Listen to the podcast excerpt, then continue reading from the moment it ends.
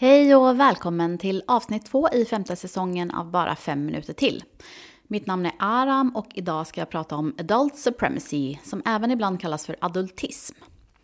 För snart 30 år sedan definierade John Bell adult supremacy som beteenden och attityder baserade på antaganden om att vuxna är bättre än unga människor och barn och att vuxna har rätt att agera mot unga människor och barn utan samtycke.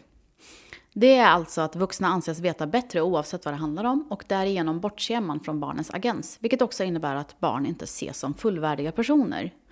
Barn och unga är oftast, om inte alltid, i beroendeställning av vuxna och genom adult supremacy sätts vuxnas behov före barnets. Då hamnar barnet inte bara i en beroendeställning utan även i en förtryckt ställning.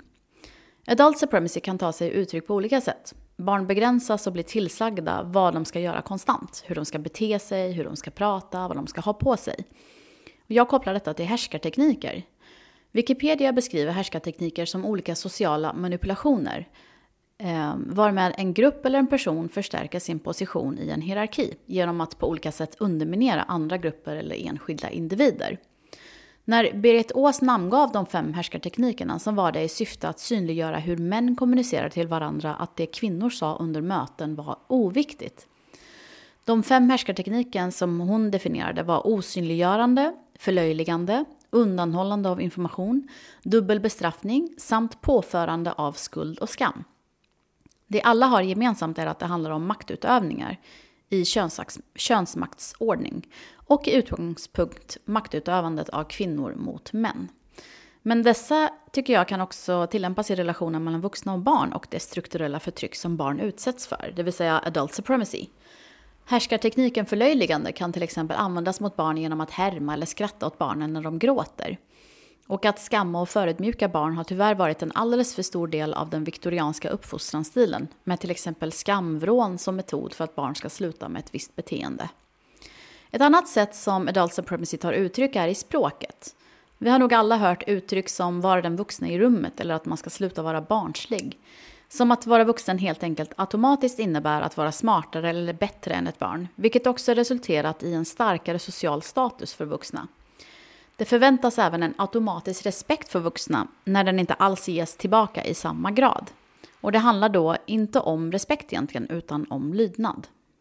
Adult supremacy yttrar sig också systematiskt i skolan. Till exempel genom kontroll av klädsel med påtvingade skoluniformer eller när man begränsar klädval och barnens kreativa uttryck på olika sätt. Det kan också yttra sig genom att lärare använder verbalt eller ibland till och med fysiskt våld för att kontrollera elever. Det finns tyvärr allt för många berättelser om elever som får strålkastarljuset på sig i skammande syfte för att visa andra elever hur man inte ska bete sig. Och just den här bestraffningskulturen är djupt rotad i oss, där vi bestraffar och skammar för att någon ska så att säga skärpa sig eller korrigera sitt beteende. Och det här ser vi överallt i samhället. Vuxna ska vara civiliserade, tysta, väluppfostrade och särskilt inför auktoriteter. Och eftersom barn anses vara små vuxna har detta även applicerats på dem genom isolering och utpekning i form av timeouts och skamvrån. Vi hyllar vid prestationer och vi bestraffar när man gör fel eller misstag. Och detta i kombination med rasism och kapitalism innebär också att barn som är BIPOC, alltså Black Indigenous People of Color, ses på som ociviliserade och bestraffas hårdare av rättsapparaten. De tillåts inte ens få vara barn utan målas upp som vuxna i något som kallas för adultification. Och man rättfärdigar den skeva behandling de får av polis, rättsväsende och samhället i stort.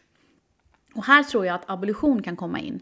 Abolition är alltså rörelsen för skapandet av en ny värld utan repressiva system som polis och fängelse. Det här kan ni höra mer om i avsnitt 10 i första säsongen. Abolition innebär också att avskaffa de repressiva förtryckande tankesätt och bestraffningskultur som har systematiserats i våra relationer till varandra på grund av kapitalism, rasism, kolonialism och imperialism. Då kan vi ta oss ifrån tanken att dominera våra medmänniskor, både vuxna och barn. Vi kan solidarisera oss med barnen och skapa arenor där barn tillåts göra fel och misslyckas utan att döma och bestraffa. Och därigenom kan vi skapa fler trygga utrymmen för alla barn. För att alla barn förtjänar ju trygghet. Avslutningsvis vill jag nämna det Bell Hooks skriver i sin bok All about love. Children have learned to think about love primarily in relation to good feelings in the context of reward and punishment. From early childhood on, most of us remember being told we were loved when we did things pleasing our parents, and we learned to give them affirmations of love when they pleased us. Tack för att du har lyssnat idag och hoppas att vi ses på Instagram där jag heter aram jajar. Ha det så bra!